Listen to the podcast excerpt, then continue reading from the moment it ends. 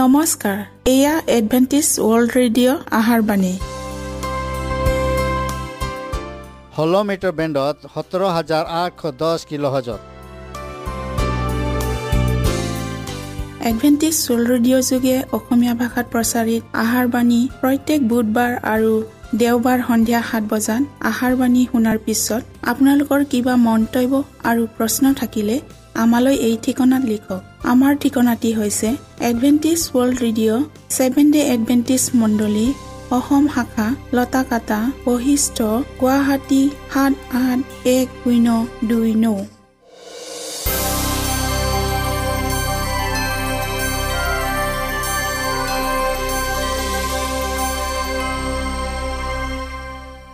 প্ৰিয় শ্ৰোতা বন্ধুসকল এতিয়া শুনো আহক এটি খ্ৰীষ্টীয় ধৰ্মীয় গীত।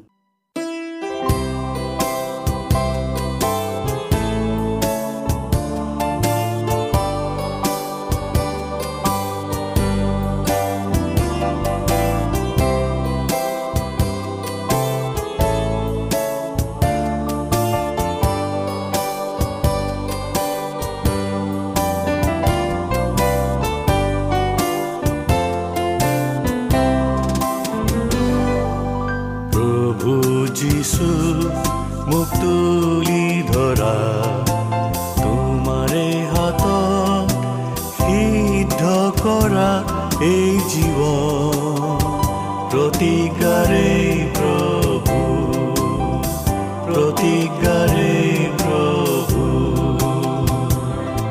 পৰীক্ষা কৰা মুখুচি কৰা পৰীক্ষা কৰা মুখুচি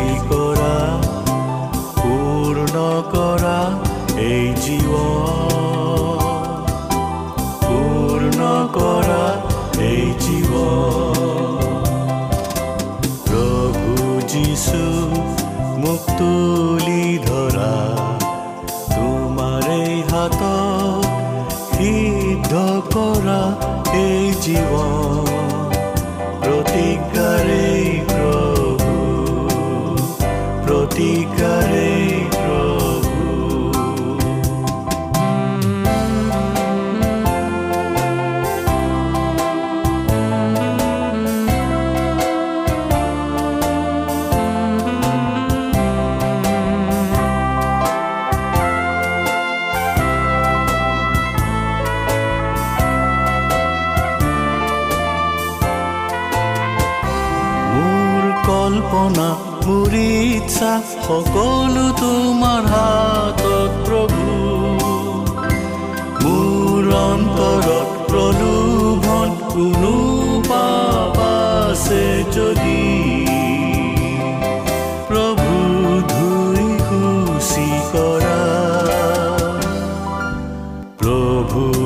যিছু মোক তুলি ধৰা। তোমাৰে হাতত সিদ্ধ কৰা এই জীৱ প্ৰতিকাৰে প্ৰভু। প্ৰতিকাৰে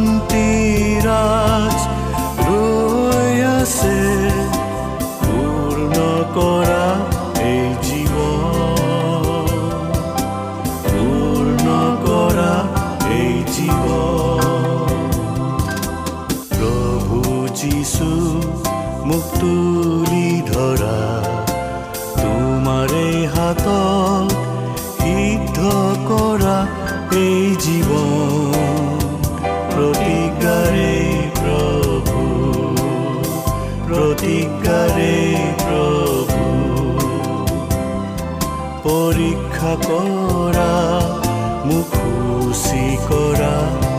পৰীক্ষা কৰা মোক কৰা। পূৰ্ণ কৰা এই জীৱন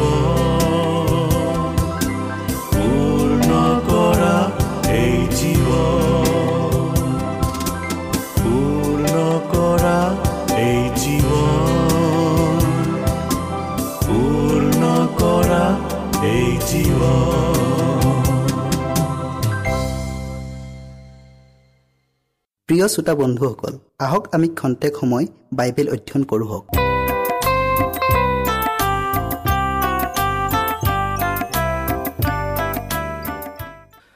আমাৰ আজিৰ বিষয়টি হ'ল আত্মাৰ চোৱা প্ৰচোৱা। বাইবেল পতি লোৱা হৈছে দ্বিতীয় পিতৰ এক অধ্যায়ৰ পাঁচ আৰু ছয় পদ। এইকাৰণে তাৰ নিমিত্তে তোমালোকে নিজেও সম্পূৰ্ণ যত্ন কৰি বিশ্বাসত বীৰত্ব বীৰত্বত জ্ঞান জ্ঞানত ইন্দ্ৰিয় দমন ইন্দ্ৰিয় দমনত ধৈৰ্য ধৈৰ্যত ভক্তি ভক্তিত ভাতৃস্নেহ আৰু ভাতৃস্নেহত প্ৰেম যোগোৱা বিষয়টিৰ আগবঢ়োৱাৰ আগত আমি প্ৰাৰ্থনা কৰোঁ হওক। হে প্ৰেমাময় আৰু আশীৰ্বাদদাতা পিতা তোমাৰ চৰণত আকৌ পৰিছোঁ। প্ৰভু এই সুন্দৰ সময় দিয়াৰ বাবে আমাক ধন্যবাদ দিছোঁ। আমি যি বিশেষ সময় সময়ৰ বাবে আগবঢ়াইছোঁ প্ৰভু এই সময়ত তুমি আমাৰ লগত থাকিবা আৰু বিশেষ প্ৰয়োজনীয় পবিত্ৰ আত্মা সকলোৰ লগত থাকিবলৈ দিয়া। যীশুৰ নামত খুজিলোঁ। আমেন। যুৱক যুৱতীসকলক পিতৰৰ জখলাৰ এই আঠটা খটকঠি স্পষ্টকৈ দেখুৱাই দিয়ক। আৰু সৰ্বোচ্চ তাকত নহয় প্ৰথমতে সৰ্বনিম্ন তাকত সিহঁতৰ ভৰি থবলৈ শিকাওক। আৰু আন্তৰিকতাপূৰ্ণ প্ৰাৰ্থনাৰে সৈতে একৈছ একৈছকৈ জখলাত বগাই যাবলৈ জোৰ দিয়ক কৃষ্টই হৈছে সেই জখলা। তেওঁৰ অসীম প্ৰেমত জখলা ডালৰ গুৰিটো পৃথিৱীৰ ওপৰত দৃঢ়কৈ লাগি আছে আৰু মূৰটো তেওঁৰ ঐশ্বৰিকতাৰ কৰোণাত ঈশ্বৰৰ সিংহাসনৰ গাত লাগি আছে। কৃষ্টৰ অসীম প্ৰেমেই পাপত পতীত মানৱ জাতিটোক সাৱটি ধৰি আছে। আনহাতে তেওঁৰ ঐশ্বৰিকতাই ঈশ্বৰৰ সিংহাসনখনক খামুচি ধৰি আছে। এই জখলা এটা তাকৰ পৰা আন এটা তাকলৈ ক্ৰমে ওপৰলৈ বগাই গ'লেহে আমি ৰক্ষা পাওঁ। কৃষ্টলৈ চাই কৃষ্টৰ ওপৰত ভেজা দি একোচ একোপকৈ কৃষ্টৰ উচ্চতাত উঠি যাব লাগিব যাতে তেওঁ আমাক জ্ঞানী আৰু ধাৰ্মিক আৰু পবিত্ৰ কৰি পৰিত্ৰাণ দিব পাৰে। বিশ্বাস সত্য পৰায়ণতা জ্ঞান ইন্দ্ৰিয় দমন ধৈৰ্য ভক্তি ভাতৃস্নেহ আৰু বীৰত্ব এইবোৰ গুণে হৈছে জখলা ডালৰ তাকবোৰ। এই সকলোবোৰ গুণক খ্ৰীষ্টান চৰিত্ৰত প্ৰদৰ্শন কৰিব পাৰিব লাগিব। আৰু যদি আপুনি এইবোৰ গুণ প্ৰদৰ্শন কৰিব পাৰে আপুনি কেতিয়াও পৰি নাযাব। কাৰণ অনন্তকাল স্থায়ী ৰাজ্যত সোমাবলৈ আমাৰ প্ৰভু যীশুখ্ৰীষ্টই উপচি পৰাকৈ আপোনাক বল শক্তি আদি কৰি আটাই প্ৰয়োজনীয়খিনিক প্ৰদান কৰিব। এটা আশীৰ্বাদ লাভ কৰাৰ পাছত আন এটা পাবলৈ আপুনি অপেক্ষা কৰিবলৈ দৰকাৰ নাই। সেইবোৰ একেলগে উপচি পৰাকৈ দিয়া হ'ব। প্ৰতিদিনে আপোনাৰ জীৱনৰ প্ৰতিদিনে সেইবোৰ উপচি পৰাকৈ লাভ কৰিব।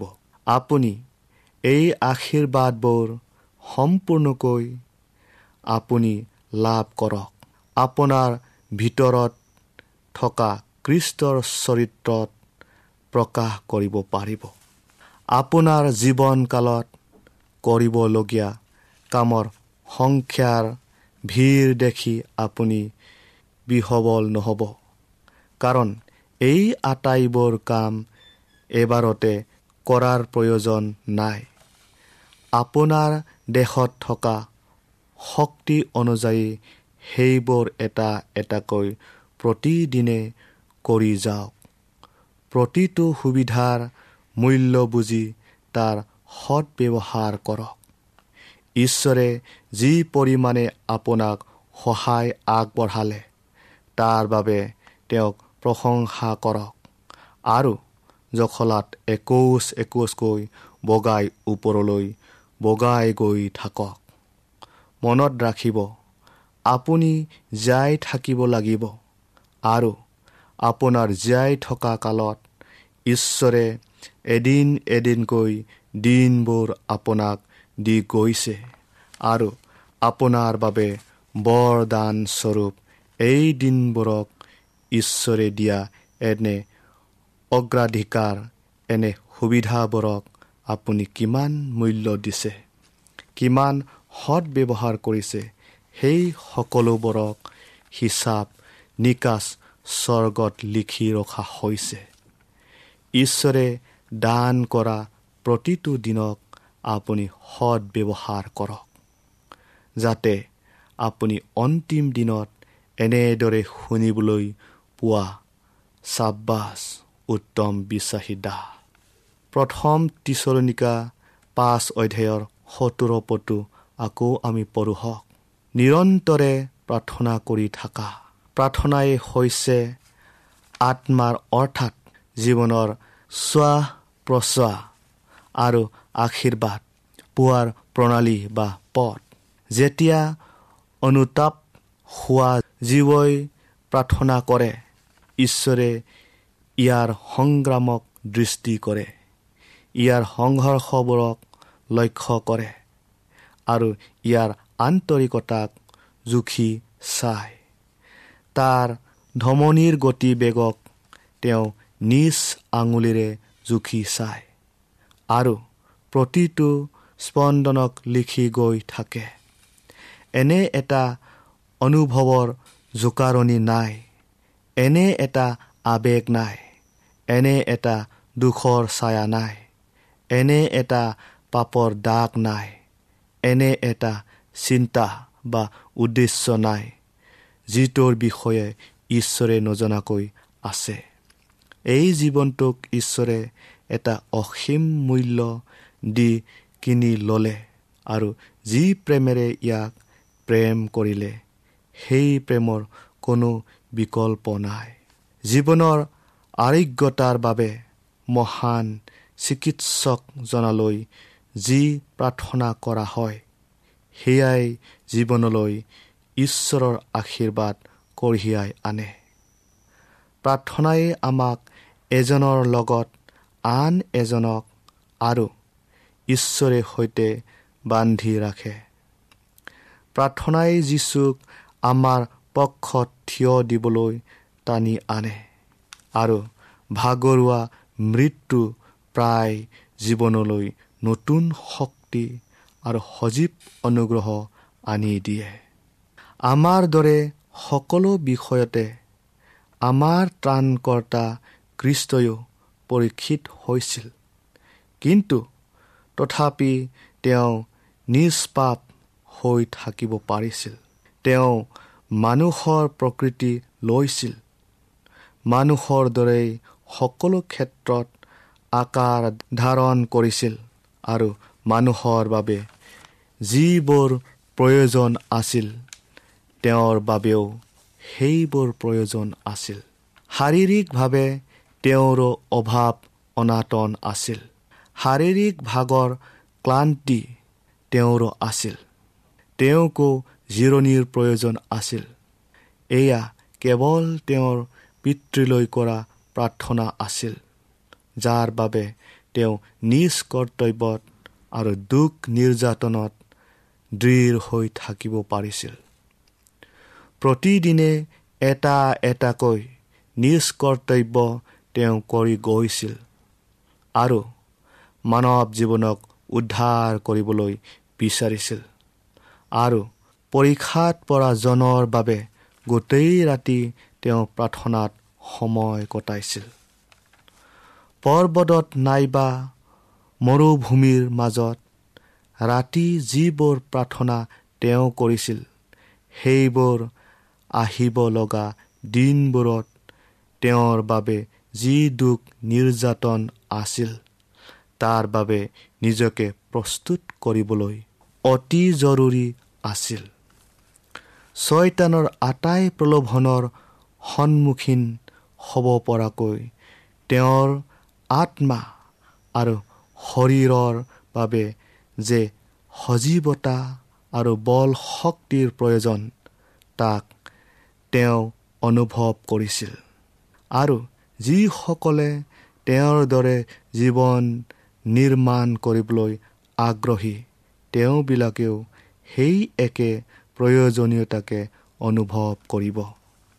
প্ৰিয় শ্ৰোতা বন্ধুসকল তেওঁ আমাক কৈছে কোনোৱে যদি মোৰ পাছত আহিবলৈ ইচ্ছা কৰে তেওঁ নিজকে নিজে দমন কৰক আৰু নিতৌ নিজৰ ক্ৰুচ তুলি মোৰ পাছত আহক। তেওঁ কোৱা কথাৰ দৰে কাৰ্য কৰিবলৈ কেৱল কৃষ্টইহে আমাক সমৰ্থবান কৰিব পাৰে।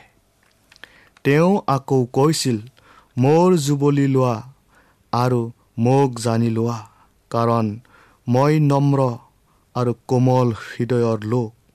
ইয়াৰ অৰ্থ এয়ে যে আমি সদায়ে আত্মা ত্যাগী হ'ব লাগিব নিজকে দমন কৰিব লাগিব। খ্ৰীষ্টই আমাক সহজ সমাধানৰ পদ দিব পাৰে।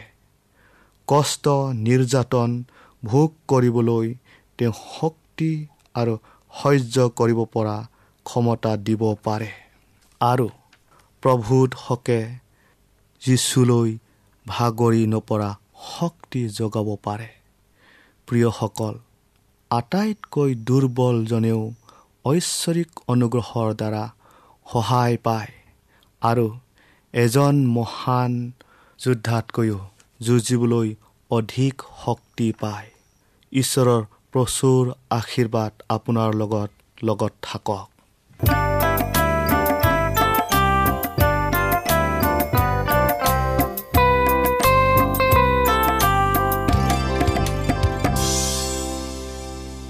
ইমানপৰে আমি বাইবেল অধ্যয়ন কৰিলোঁ। এতিয়া আকৌ শুনো আহক এটি খ্ৰীষ্টীয় ধৰ্মীয় গীত।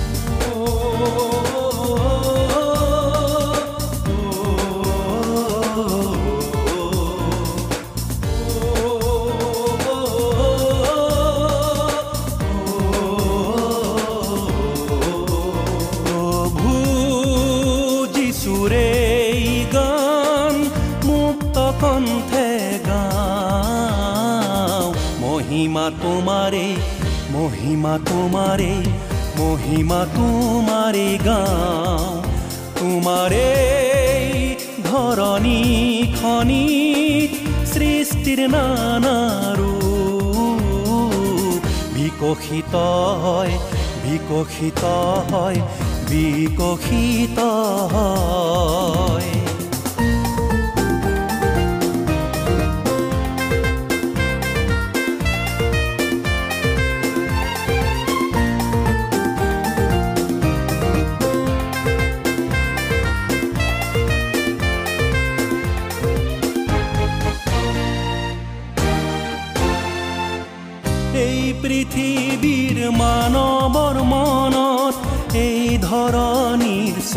সৃষ্টিৰ মাজত এই পৃথিৱীৰ মানৱৰ মনত এই ধৰণীৰ সৃষ্টিৰ মাজ বোৱালা প্ৰেমৰ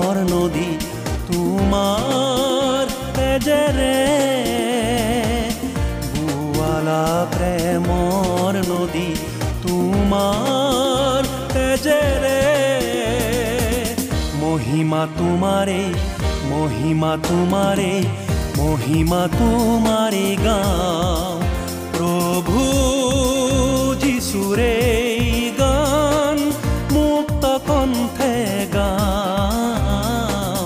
মহিমা তোমাৰে মহিমা তোমাৰে মহিমা তোমাৰে গাওঁ।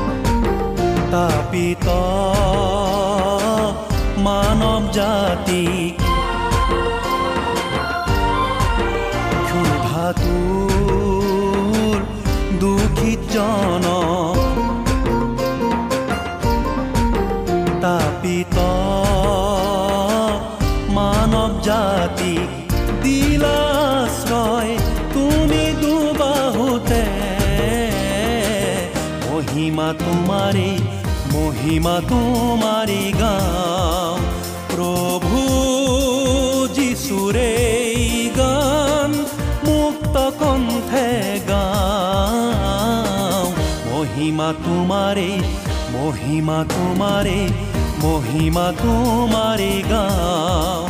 তোমাৰে ধৰণী খনি সৃষ্টিৰ নানাৰো। বিকশিত হয় বিকশিত হয় বিকশিত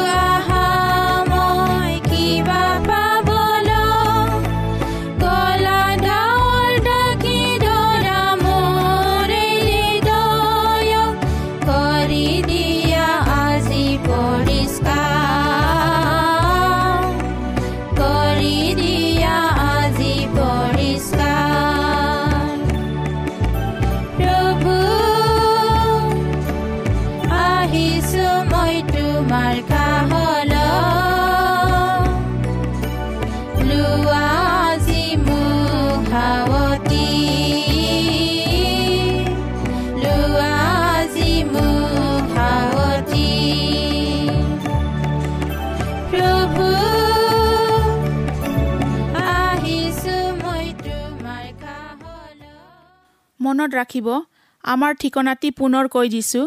Adventist world radio' Assam region of seven day Adventist voice of hope Lotakata Basistha Guwahati seven eight one zero' two nine প্ৰিয় শ্ৰোতা বন্ধুসকল এডভেণ্টিজ ৱৰ্ল্ড ৰেডিঅ' যোগে আহাৰবাণী প্ৰচাৰত আপোনালোকক পুনৰ লগ পোৱাৰ আহাৰে আজিলৈ সামৰিলোঁ। ধন্যবাদ।